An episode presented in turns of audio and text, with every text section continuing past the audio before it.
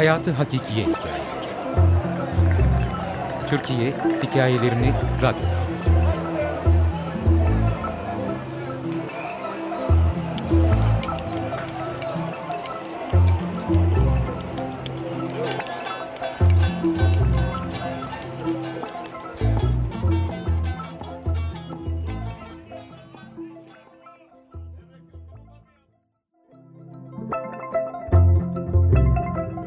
Bir Göl Kıyısı Hikayesi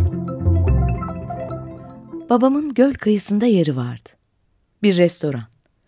Kardeşimle birlikte çocukluğumuz orada geçti. Yaşama kıyıdan baktığımız yerdi bizim için. Büyük camları vardı.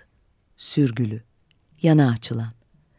Camlar açıldı mı gölden bir serinlik, ferahlık dolardı salona. Babamın yeriydi ya, huzurluydu. Yalnız bu huzurun zaman zaman bozulduğu olmuyor değildi. Göl tarafından karaya doğru hızla uçan kuşlar yollarını şaşırır, camdan içeri girerlerdi. Hata yaptıklarını anlayınca tekrar dışarı dönebilmek için salonda oradan oraya uçar, kendilerini dışarı atmanın yolunu ararlardı. Kimileri başarır bir yol bulur ve göle doğru can havliyle uçarak kaybolurdu. Kimileri ise büyük camı fark edemez, kaçıyorum hevesiyle cama doğru gider, çarparak kenara düşerdi. Çarpma anındaki o küçük bedenden gelen küt sesi o anda insanın yüreğini yerinden oynatırdı. Merak ve acıyla karışık duygularla kuşun yanına koşardık. Camın kenarında öylece hareketsiz yatan kuşa elimin ilk uzandığı anı hatırlıyorum da ölümle ilk karşılaşmaydı o. Avuçlarımda cansız bir beden.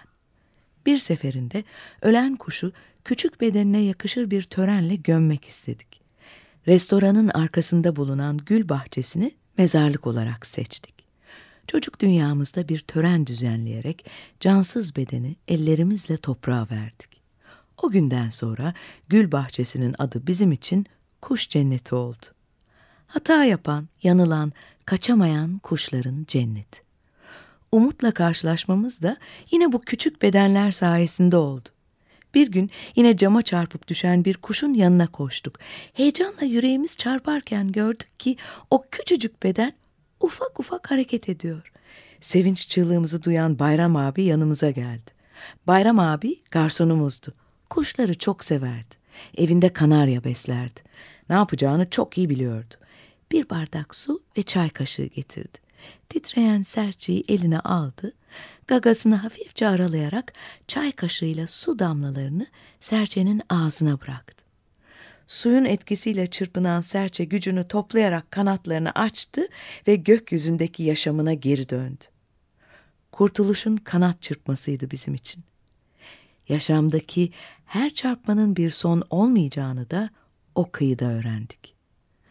Kuş cennetine gelince, şu an ne halde bilmiyoruz. Babamın yeri yıkıldı. Belki de küçük canların lanetine uğramıştır. Kim bilir? Bir Göl Kıyısı Hikayesi Yazar Sezin Mavioğlu Editör Mahir Ünsal Eriş Okuyan Tilbe Saran